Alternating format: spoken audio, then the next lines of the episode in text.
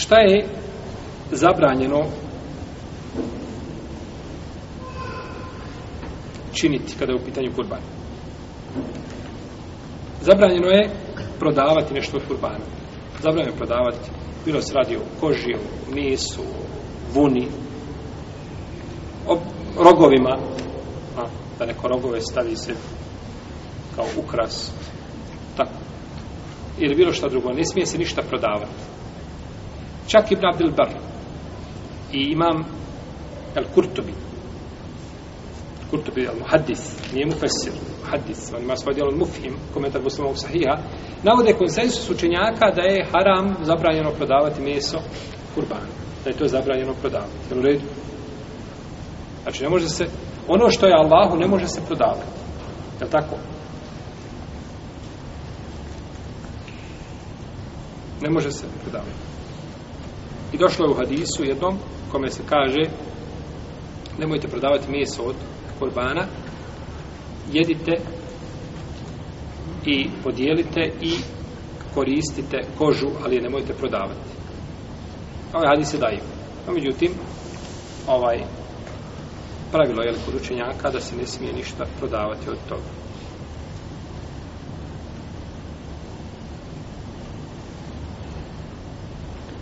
Isto tako dokaz za to je što ne smije se dati ništa e, kasapinu. Jer ako mu daš nešto, onda si to prodao faktički, tako? Taj si dio prodao. A nešto što je Allahu ne može se prodavati. Ono što je Allahu za uđel ne može se prodavati, time se ne može trgovati. Jer čovjek koji prodaje nešto, on uzima ono što je dao. To je kako bi rekao, ja dinara dajem radi Allaha, 50 maraka, evo ih radi Allaha. I onda daš 45, a 5 uzmeš sebi. To isto ko kaže, ova ovca je od mene a na Allahovom putu. To si dao. Ne možeš ništa ti dirati, to nije više tvoje. Nemaš ti pravo više to koristiti. Jer ako to smiješ koristiti, to isto ako smiješ kažeš 50 dinara od mene ili 50 maraka od mene na Allahovom putu i onda sebi uzmeš 5. Pa nije znao 50, nego znao 45, je li tako? A poslanik, sallallahu alaihi sallam, kaže a, da čovjek koji da poklon, pa se vrati tom poklonu, je kao šta? Allah, kao pas koji je, jeli, koji je a, povratio, pa se vraća nazad, pa to ponovo jede. Pa čovjek kada da, pogledaj, ovo je poklon, dao si komši poklon, i kažeš sutradan, jer preko si, pa nakon godinu dana, Boga im komša ovaj, možete tu meni vrati, a ja se pokajam. To je ruž, ružna stvar. Ženi čovjek da poklon i poklona i poklona i kada se rastaju, kaže, vrat sve. Isti slučaj. Nikakve rada, to što ste se rastali, to nikakve veze nema s poklonima. Ti si poklon dao draga srca u ime Allaha. I to je završeno. Žena kaže mužu, mehar moj koji sam ti, koji si imao da mi još isplatiš još hiljadu maraka ili dvije ili tri nije bitno ili ko se prevara ima neko prevara se pri meheru čovjek je potpisao vraćao meher u zlatu Allah valim ne znam koliko kila zlata je potpisao čovjek nije znao ne zna ništa on pis, kad piš papir trpi toga glava ne boli tako u Saravi. i došao rastava braka Pa žena koja pokloni mužu mehr i kaže moj mehr je tebi poklon, hedija, ne trebaš mi davati. I onda se rastoje, e kaže, e sad kada si me pustio, e, pla, e vra, daćeš mi moj mehr. Nema, gotovo. Ono što si dao više ne možeš vratiti. Prvo ličiš kao onaj koji se vratio šta tamo je povratio, ali tako. I druga stvar, to je zabranje, ti tražiš nešto što nije tvoje. Ti si poklonio nekome uređaju. Ja sam nešto pecao. Avaj.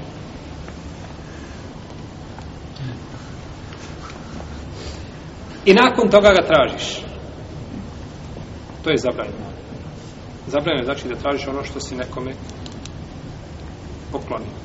Ovdje čovjek pokloni stvoritelja za ođe i onda to ne može više tražiti, jel? Ne može to više tražiti nazad, niti može od toga nešto uzimati. Na ovo sve možemo e, vrednovati prema ome, možemo vrednovati učenje Kur'ana, ibadati za pare i tako dalje. To je sve neispravno. Ono što je radi Allaha ne može biti prodavano. Ne može biti prodavano. Mezeb imama Šafije i Ahmeda i je da ne može se ništa prodavati. Imam Ebu Hanife, rahimehullahu ta'ala, kaže može. Kaže može. Ali možeš prodati samo te pare opet dati u sedak. Znači imam je bohani fakši nije šta ništa promijenio. On kaže ti možeš prodati. I ponekad ti čovjek je, na primjer, radi kao kasapin. Ima on svoje jeli, šeme kako on prodaje kožu, kako prodaje vunu. Onaj obični čovjek da mu dođe koža, on će baciti. Je tako? A ti je možeš prodati šta? Pa mu dati pare. Pa to za njega bude korisnije. E Bohanife je išao tom logikom. Je u redu? Kao kada je u pitanju, sada je katul fitr da se može dati u čemu protuvijednost ili ne može jel? znači ovaj opet bi stvar došla nazad da je to radi Allaha no međutim ispravno je mišljenje džumhura iako mišljenje Ebu Hanife ima svoju težinu i svoje mjesto no međutim mišljenje džumhura je ispravnije zato što zabranjeno je da se prodaje kako i šta jer već se je desila jedna iako se to vraća ponovo na mjesto gdje je bilo, međutim desila se je prodaja onoga što nije dozvoljeno prodavati. Pa je preče znači da se to ne prodaje i da se ne pristupa, znači, prodaju. Drugo, nije dozvoljeno, znači, ono što smo već spomenuli, nije dozvoljeno kasapinu davati ništa od kurbana kao naknadu. Dozvoljeno mu je plati, daš mu 10 maraka što ti je došao, ne znam, zaklao ovicu, gulio i tako dalje. I kada smo sve platio, kada pođe, onda mu daš kilogram mjese. Ne smeta. Nakon čega, nakon što mu platiš, nakon što mu platiš, U protivnom nije dozvoljeno. U protivnom nije dozvoljeno. To bilo kao siromah ti dođe radi. Siromah čovjek koji može uzeti zekijat. A ti imaš zekijata. I ti mu dadeš zekijat. Za tu dnevnicu što je radio. Je dozvoljeno? Pa nije dozvoljeno. To što si njemu dao, to je svakako njegov hak. Njegov ili njegovog brata siromaha drugog. Nije bitno čiji. To je njihov hak.